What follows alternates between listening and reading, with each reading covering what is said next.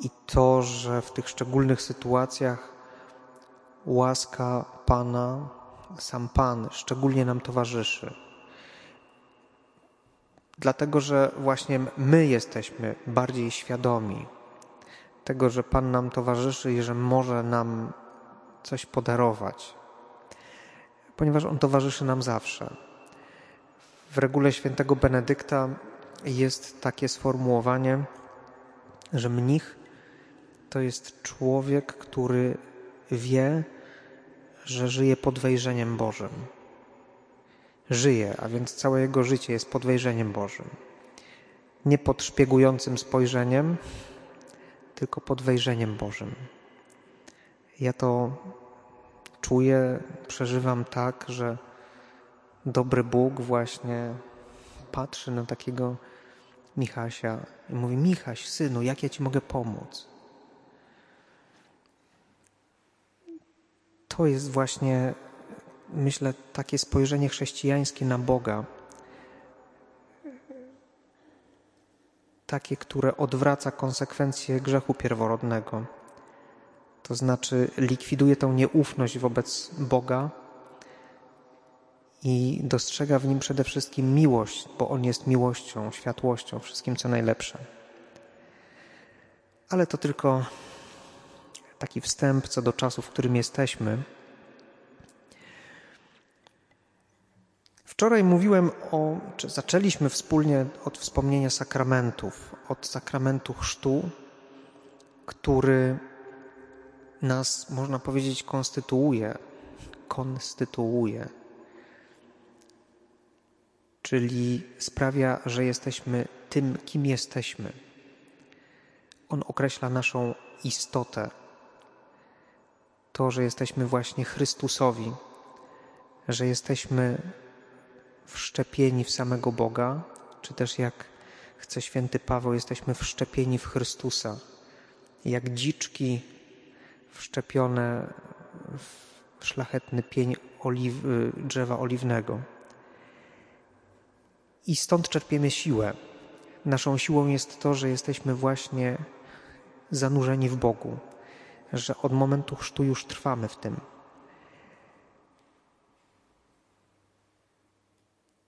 Co do Eucharystii, to jest ten sakrament, o którym mówiłem jako o drugim, to tu dokonuje się coś jeszcze większego. Można powiedzieć, dopełnia się niejako to, co na Chrzcie Świętym się zaczęło i co trwa. Mianowicie to, co nasi bracia ze wschodu, prawosławni, na co kładą e, silny, tak silny akcent, co jest celem człowieka. Celem człowieka jest przebóstwienie. I jak to też zostało wczoraj powiedziane czy zaznaczone, to się dokonuje właśnie podczas Eucharystii. Święta komunia to jest właśnie to, do czego dążymy, co jest równolegle, czy jednocześnie, z, czy na tym samym poziomie, jakkolwiek to opisywać, z przeistoczeniem, z pojawieniem się na ołtarzu Pana w swoim ciele i w swojej krwi. I zaraz potem to nie dzieje się tylko po to, żeby Pan się pojawił i nic się potem nie wydarzyło. Oczywiście to jest najważniejszy moment w Eucharystii od początku, My zaraz przed nim śpiewamy zresztą ten, ten, ten hymn Święty, święty, święty, Pan, Bóg zastępów. Pełne są niebiosa i ziemia chwały Twojej. Warto jest zauważyć, że my to śpiewamy zaraz przed konsekracją darów. Czyli tuż przed tym, jak właśnie Pan przychodzi w swoim ciele i w swojej krwi. I to hosanna, to radosne hosanna zaczerpnięte z psalmu 118 z tego hymnu mesjańskiej radości, śpiewamy właśnie tuż przed tym, jak Pan przyjdzie na ołtarz. I wyznajemy w ten sposób, że Pan tu jest. Ale On przychodzi właśnie po to, żeby nas przebóstwić. Jestem przekonany, że święty Benedykt w, naszej, w prologu naszej reguły kiedy wzywa nas do życia chrześcijańskiego, bo Benedykt nas tak naprawdę wzywa do tego, żebyśmy zaczęli żyć jak chrześcijanie wreszcie, nas, mnichów. On takim pełnym niecierpliwości głosem, ja tak to przynajmniej słyszę, mówi: Otwórzmy wreszcie oczy na przebóstwiające światło. Mówiąc inaczej, zauważmy, zobaczmy, żebyśmy mogli to przyjąć. Zauważmy to wielkie światło, które się pojawia przed nami i które nie powoduje tylko, że my zaczynamy coś widzieć w ciemności, ale ono nas przenika i przebóstwia. Nas, ludzi, ono przebóstwia. To jest właśnie cel, to jest punkt dojścia, to jest szczyt Eucharystii. Co się w tym momencie dzieje? I, I dlaczego w ogóle tak się dzieje? Dlaczego Bóg postanowił, że będzie w ogóle coś takiego jak Eucharystia, że będzie coś takiego jak Kościół, w, którym będzie, w którym będzie sprawowana Eucharystia? Można i trzeba zobaczyć Eucharystię i świętą komunię jako nowe stworzenie. Pierwszy człowiek zgrzeszył, to znaczy przestał wierzyć Bogu. Stało się coś takiego za sprawą podszeptu szatańskiego, że człowiek zaczął podejrzewać Boga o to, że ma wobec niego jakieś niedobre zamiary. I właśnie to zaufanie, ta święta więź z Bogiem, to co powodowało, że ci pierwsi ludzie byli odziani tą szatą światłości i nie widzieli, że byli nadzy. Oni nie dlatego nie widzieli, że byli nadzy, że mieli, że coś im się z oczami stało. Oni po prostu byli otoczeni szatą światłości. Byli w tak dobrej relacji z Panem Bogiem, że oni chodzili w światłości i nie zauważali swojej nagości, ponieważ oni nie byli nadzy. To był stan, można powiedzieć, pierwotnej świętości. Tak się zresztą takiego pojęcia się w teologii używa stan pierwotnej świętości. Po pierwszym grzechu pierwsi ludzie, pierwsi rodzice stracili ten stan niewinności i pierwotnej świętości. I ratunek Jezusa, czyli to, co określamy mianem zbawienia, ratunek ze, ze strony Jezusa, polega właśnie na tym, żeby nam mało przywrócić pierwotną świętość, ponieważ ciągle to stworzenie jednak, pierwsi rodzice to było jednak stworzenie, które było właśnie ogarnięte tą światłością, było otulone tą światłością, odziane światłością. Ale to wciąż było tylko stworzenie. Między stworzeniem a stwórcą jest nieskończona przepaść jednak. Mądrzy ludzie mówią ontologiczna, czyli bytowa, W Eucharystii dzieje się coś o wiele większego, coś o wiele większego. Ponieważ w Eucharystii my to jest coś przedziwnego, tego się do końca nie da wyjaśnić. Nie wiem, czy ktoś by mi potrafił to wyjaśnić. Sam Bóg daje się nam jako pożywienie daje się nam do jedzenia i do picia. I to jest, można tak to chyba zobaczyć, że to jest antidotum na ten owoc poznania dobra i zła, który pierwsi rodzice wzięli sami, bez pozwolenia Pana Boga. I się zatruli. Zatruli się w ten sposób właśnie, że coś im się stało z oczami właśnie coś im się stało z oczami i zaczęli widzieć Boga jako swojego przeciwnika. Jezus w Eucharystii, sam Bóg daje siebie jako odtrutkę na ten zatruty owoc. Czy inaczej, na ten owoc, który im zaszkodził. On sam w sobie nie był zatruty, ale ludzie nie byli w stanie go przyjąć.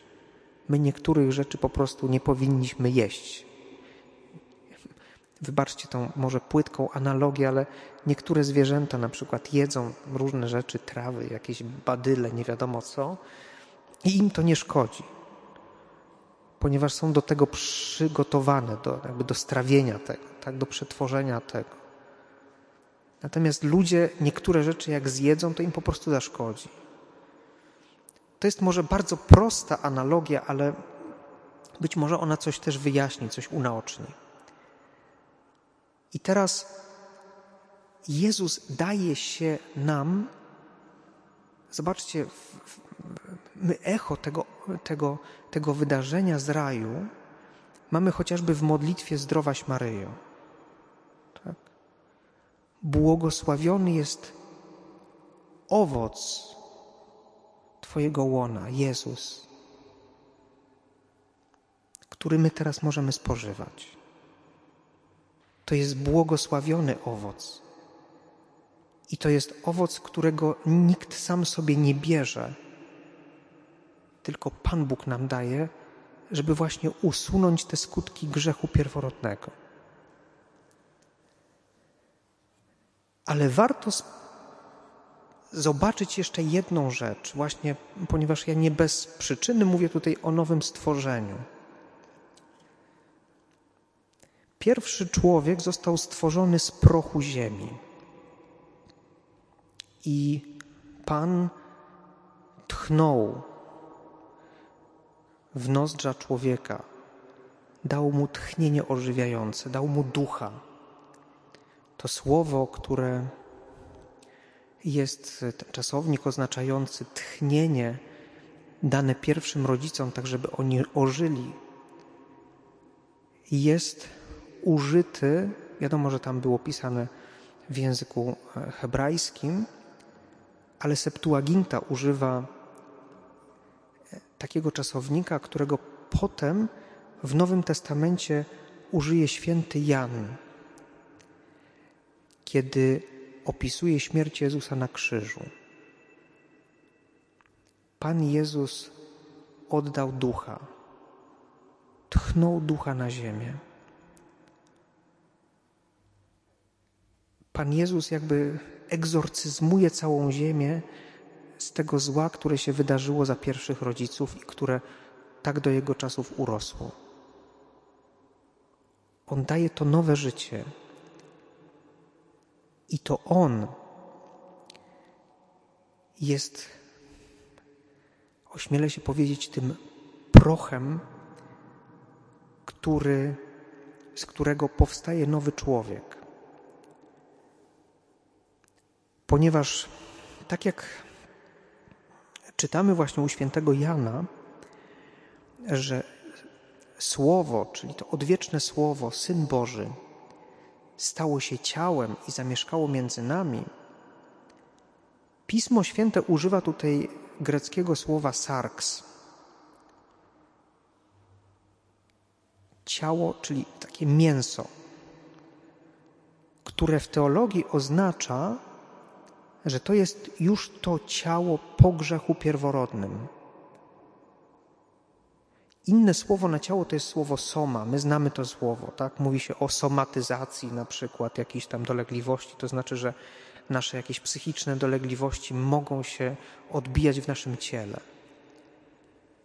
Ale to jest coś innego. To soma to oznacza po prostu organizm. Natomiast sarks użyte u świętego Jana oznacza właśnie to ciało, które jest dotknięte grzechem pierworodnym. Bóg przyjmuje na siebie to ciało. Bóg się wczłowiecza. To jest dosłowne sformułowanie z Nowego Testamentu. En antropein. Antropos to jest człowiek, en w wczłowiecza się. Przechodzi przez całe ludzkie życie aż do momentu jego strasznej męki, aż do momentu, kiedy jak czytamy w czterech pieśniach o słudze Jahwe u proroka Izajasza, że Pan Bóg zmiażdżył go cierpieniem. Spodobało się Bogu zmiażdżyć go cierpieniem. W naszej pobożności mamy jeszcze to mocniej sformułowane, jeśli chodzi o sformułowanie chociażby w litanii do serca Jezusa. Serce Jezusa starte dla naszych nieprawości. Jezus był okrutnie wyniszczony, był tak zbity, że aż niepodobny do ludzi. Są takie obrazy przedstawiające mękę pańską, drogę krzyżową, które ukazują ludzi i aniołów, którzy właśnie tak jak opisuje to prorok Izajasz, którzy aż odwracają twarz, bo nie mogą patrzeć na to, jak zeszpecona została postać Zbawiciela. On był starty dla naszych grzechów. On był starty, jako człowiek był starty na proch. I właśnie to ludzkie ciało, ten sarks Zbawiciela, stał się tym prochem, który został użyty przez Boga do stworzenia nowego człowieka. Ponieważ w Chrystusie dokonuje się to nowe stworzenie, które nie polega tylko i wyłącznie na stworzeniu jakby człowieka od nowa i znowu tchnięcia w jego życia. To nowe stworzenie dokonuje się na kompletnie innym poziomie. To jest jakiś po prostu, wiecie, mega high level po prostu, niewyobrażalny. To nie jest to stworzenie na podstawowym poziomie. Ponieważ Chrystus zmartwychwstaje już w ciele chwalebnym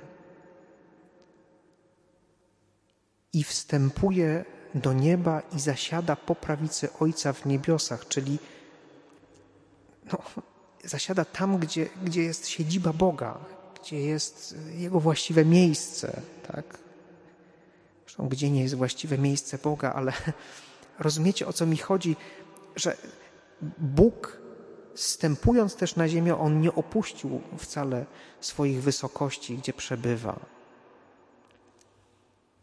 Ale On pokazuje, że jest cały czas w zjednoczeniu z Bogiem Ojcem i z Duchem Świętym i jest tam, no bo my myślimy przestrzennie i czasowo, jest tam, na tych wyżynach niebieskich, w tym ludzkim ciele na nowo stworzonym. A święty Augustyn, zresztą święty Ireneusz zdaje się też, mówią wyraźnie, a tam, gdzie jest głowa, tam jest też i ciało, a my jesteśmy ciałem Pana.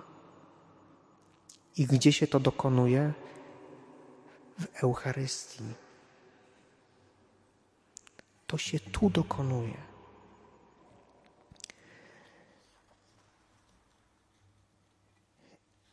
Żeby to unaocznić, to zwróćmy uwagę też na wymowę znaków.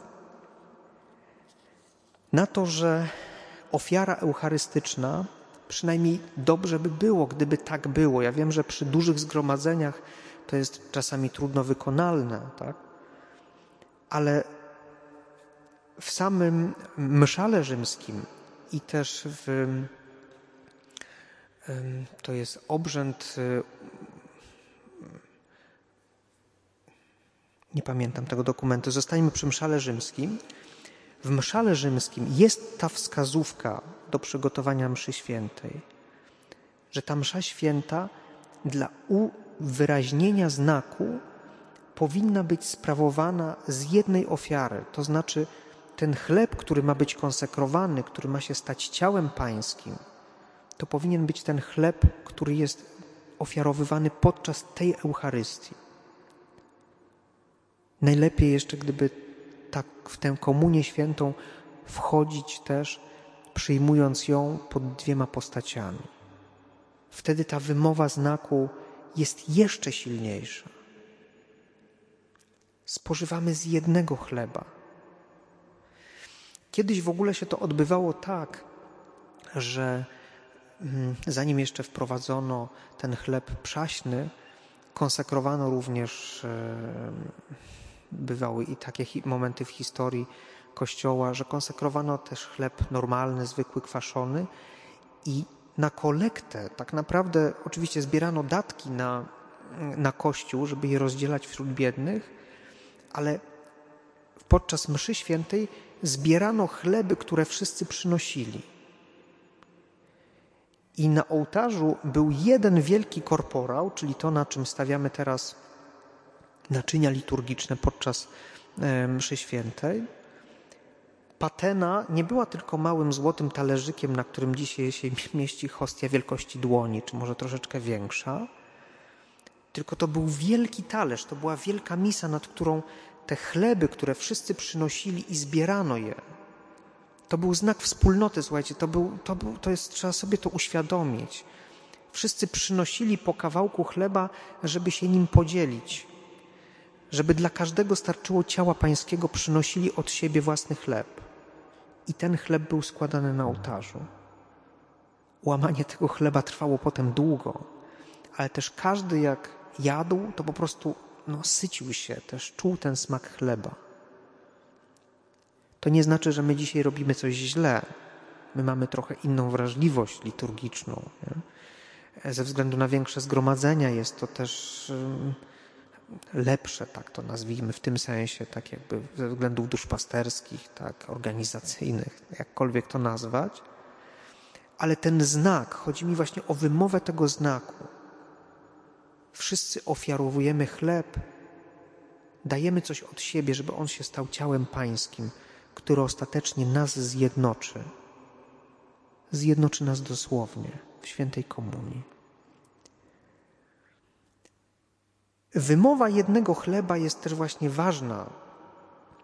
Właśnie, że ta jedna ofiara, jeden chleb, i to się powtarza się to w modlitwach eucharystycznych, może gdzieś tam przy, tym, przy tych spotkaniach naszych późniejszych, chętnie zajrzyjmy do, do mszału, zobaczymy, jak, jak te modlitwy eucharystyczne już po przeistoczeniu, jak one są sformułowane, tak?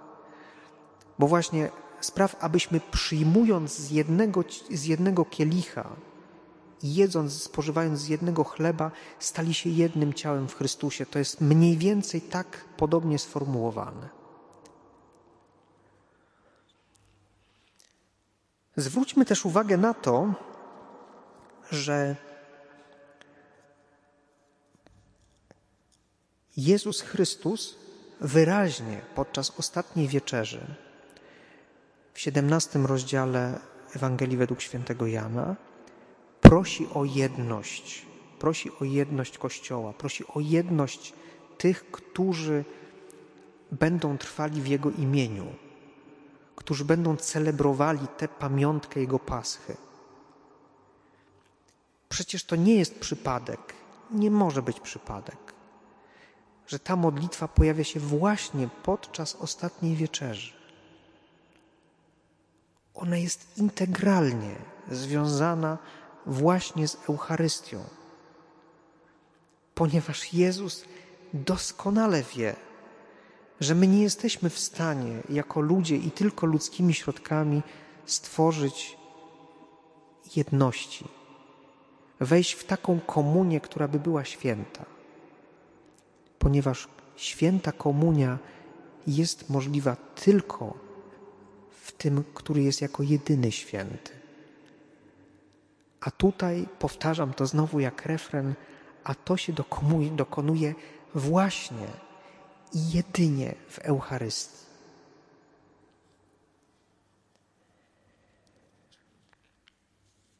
Moi drodzy, to ma swoje konsekwencje ponieważ dobrze jest to wszystko widzieć, dobrze jest to wszystko może nawet jakoś rozumieć.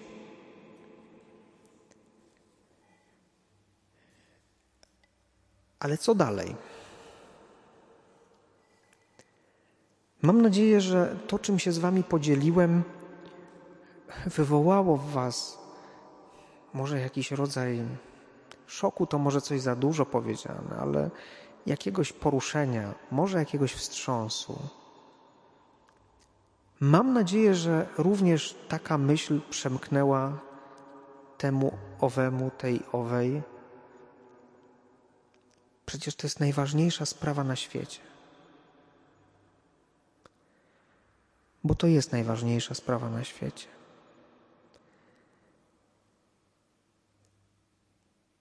Czy to jest najważniejsza sprawa dla mnie? Ale załóżmy, że tak jest. To jest najważniejsza sprawa dla mnie. Ponieważ skoro przystępując do ołtarza pańskiego, ja doświadczam, doznaję przebóstwienia, to przecież On ona, ona, on, ona, wszyscy, którzy wstępują w świętą komunię, też doznają tego przebóstwienia. A to oznacza, że ten Chrystus, którego za chwilę będziemy adorować na ołtarzu, jest tak samo obecny w nim, w niej, nim, w niej. I tak samo w tym kontekście, jak klęczę i adoruję Pana, mogę klęknąć przed moim bratem, przed moją siostrą.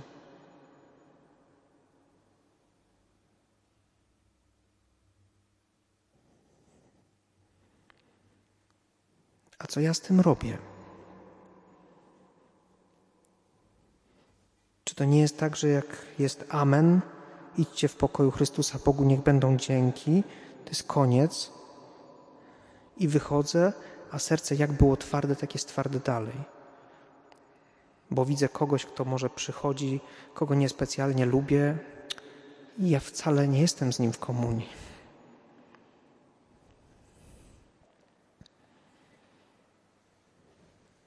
My wszyscy jesteśmy przemienieni i mamy udział w Panu. My wszyscy jesteśmy przebóstwieni.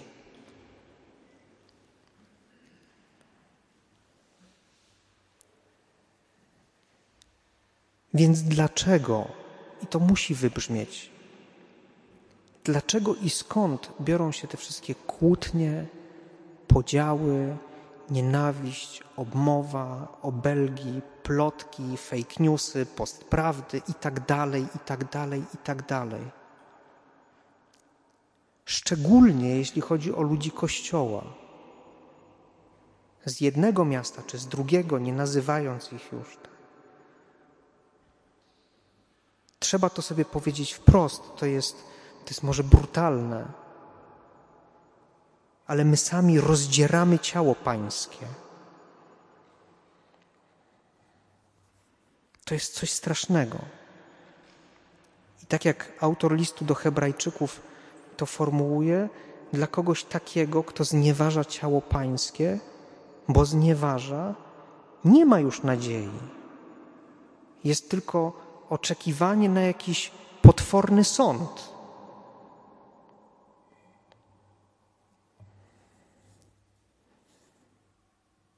Jest jedno ciało, bo z jednego chleba ciała się żywimy.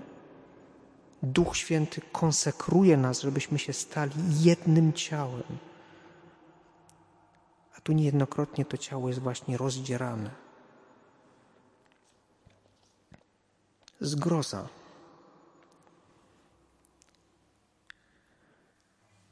Więc moi drodzy, Benedykt XVI w takiej książce Radość wiary, którą, którą ostatnio też sięgnąłem, siódmy, ostatni rozdział zaczyna takimi mniej więcej słowami. Rzeczywistość naszej wiary jest rzeczywistością wielkiej tajemnicy, czymś, co prowadzi nas do jedności, do świętej komunii, do przebóstwienia, ale czy my czy to ma dla nas jakieś znaczenie w naszym życiu? Czy my tym żyjemy?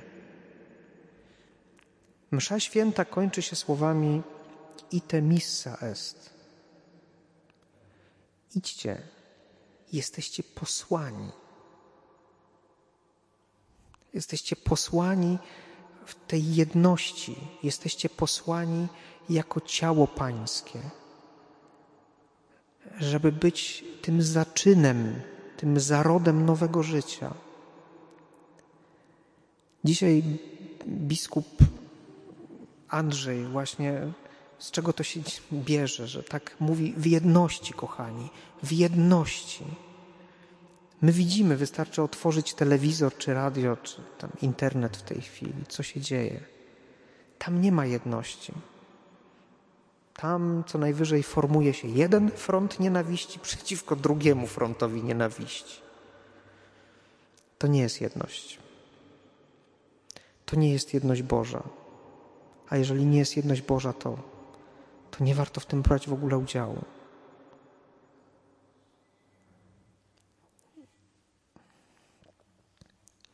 Dlatego właśnie Kościół ma jaśnieć pośród tego świata jako znak jedności i pokoju. Właśnie dlatego, żeby pokazywać tym wszystkim wariatom na świecie, którzy sądzą, że jak sobie zagrabią część świata, to będą bezpieczni, będą lepsi, żeby im pokazywać, że to kompletnie nie o to chodzi.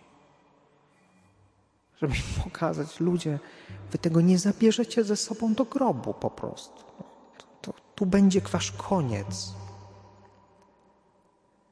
A Eucharystia Właśnie Eucharystia, znowu jak refren Eucharystia, daje nam, jak to znowu Benedykt XVI Ratzinger ujmuje, ona nam daje jedyny prawdziwy powód do radości i do świętowania.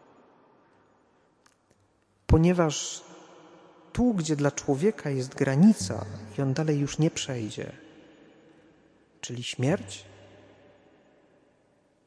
tam dla człowieka który żyje Eucharystią i jest wszczepiony w Chrystusa, zaczyna się nowe życie. W liście do Hebrajczyków, rozdział 5, zdaje się wers 7, jest ten opis Chrystusa, który za dni ciała swego z głośnym wołaniem i płaczem zanosił prośby do tego, który mógł go uwolnić od śmierci. Pamiętacie, co było dalej? I został wysłuchany dzięki swej uległości. Po ludzku, jak to został wysłuchany? Zabili go i zginął marnie.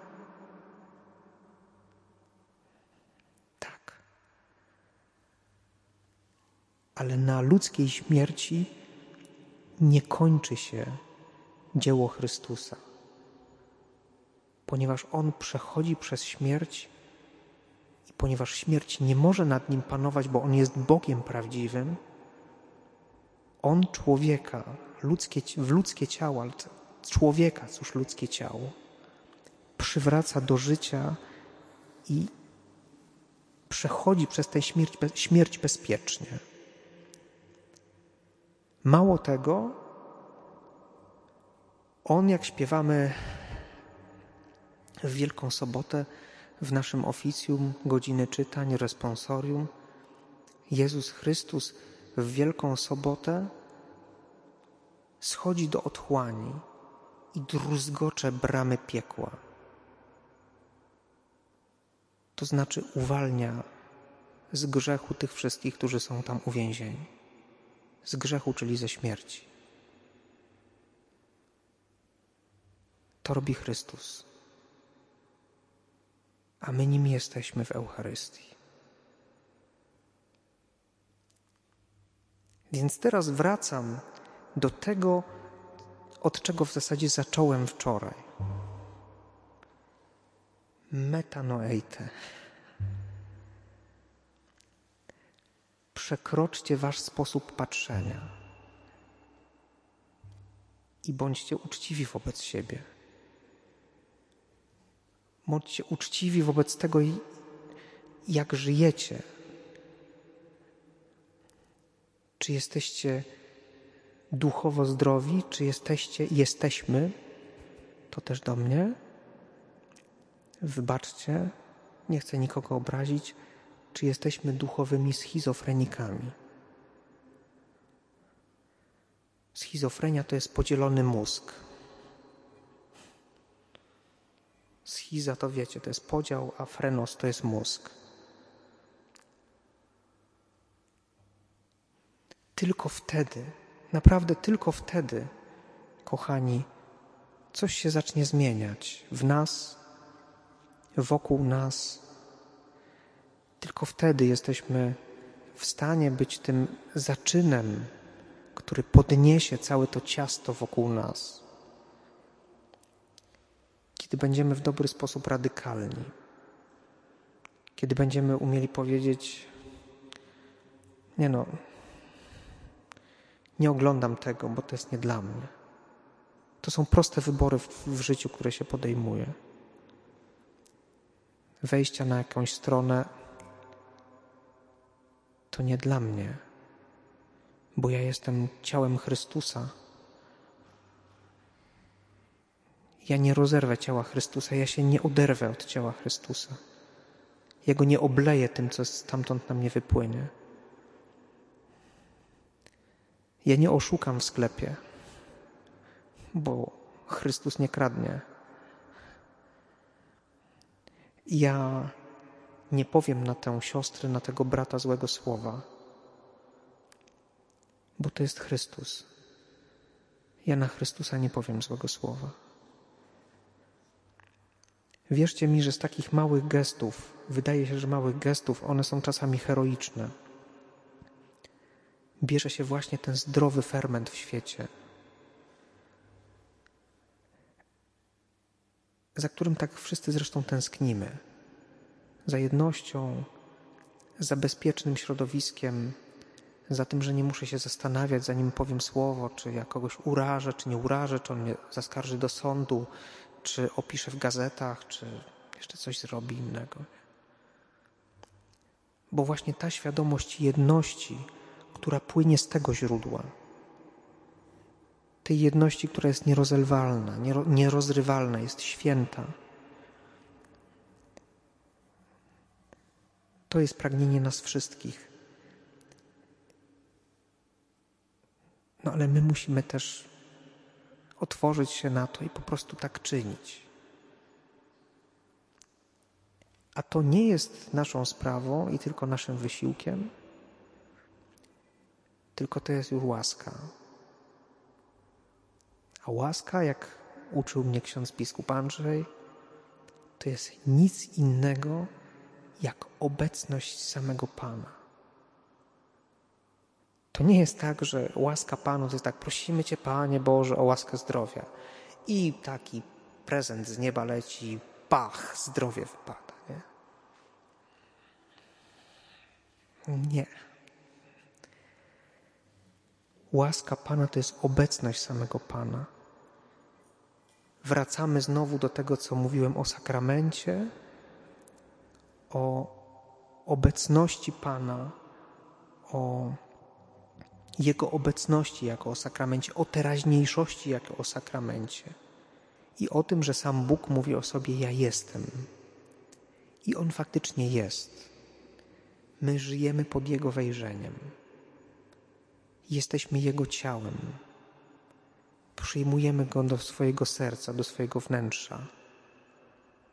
Płynie w nas Jego krew. I On nam daje moc. Ta moc bierze się stąd. Dobrze jest modlić się o pamięć, żeby pamiętać o tej mocy. Ona jest w nas. I nie bójmy się też, My wszyscy jesteśmy wyposażeni w to kapłaństwo powszechne, które sprawowaliśmy między innymi przez, przez modlitwę tą pieśnią na wstępie. Co my robiliśmy? Coś, co ja uważam jest jedną ze wspanialszych spraw, które możemy robić i my powinniśmy to robić. Tak jak kapłan przywołuje Ducha Świętego nad darami i nad ludem, my mamy wyzywać imienia Pańskiego i Ducha Świętego nad światem. I kochani, nie bójmy się tych perspektyw. My tu, w tej garstce osób, która nas tutaj jest, jeżeli będziemy szczerze, otwarcie, pokornie wzywać imienia Pańskiego i Ducha Świętego, to może nie w sposób widoczny, nie wszystko musi być aż tak w sposób widoczny, ale ściągniemy moc Ducha Świętego na tę ziemię. Z filmów już pewnie wszyscy to pamiętamy, bo ja nawet tego nie pamiętam. Dwa lata po moich urodzinach przyjechał święty Jan Paweł II po raz pierwszy do ojczyzny. I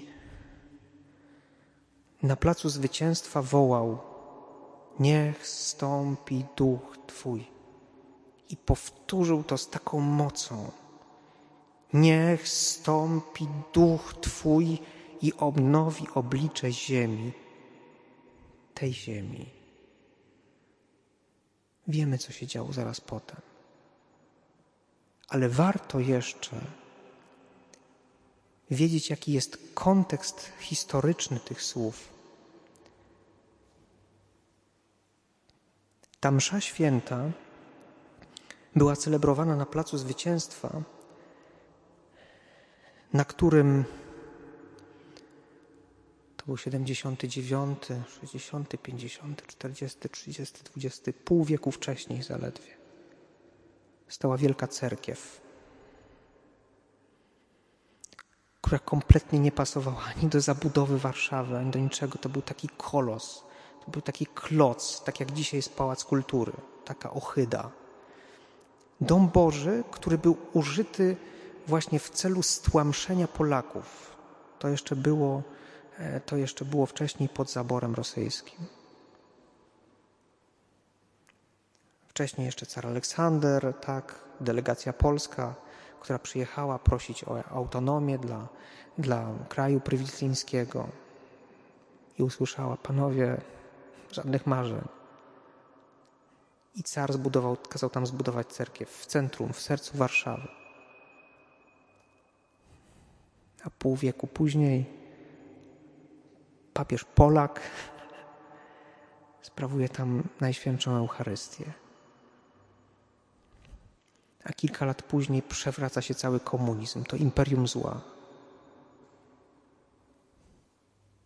To są wielkie dzieła Boże, które wynikają z wzywania imienia Pańskiego i Ducha Świętego nad światem, a które mają swoje źródło tu w Eucharystii. To jest, moi drodzy przyjaciele, moc, która drzemie w Kościele i czeka, i czeka, aż ją przyjmiemy, żeby się obudziła i żeby stąpił duch, który również przez naszą wiarę, przez uczestnictwo z wiarą, i przez budowanie, przez otwarcie się na budowanie tej jedności odnowi oblicze tej takiej udręczonej dzisiaj ziemi. Wołajmy razem Ducha Świętego. Wzywajmy imienia Pańskiego. Amen.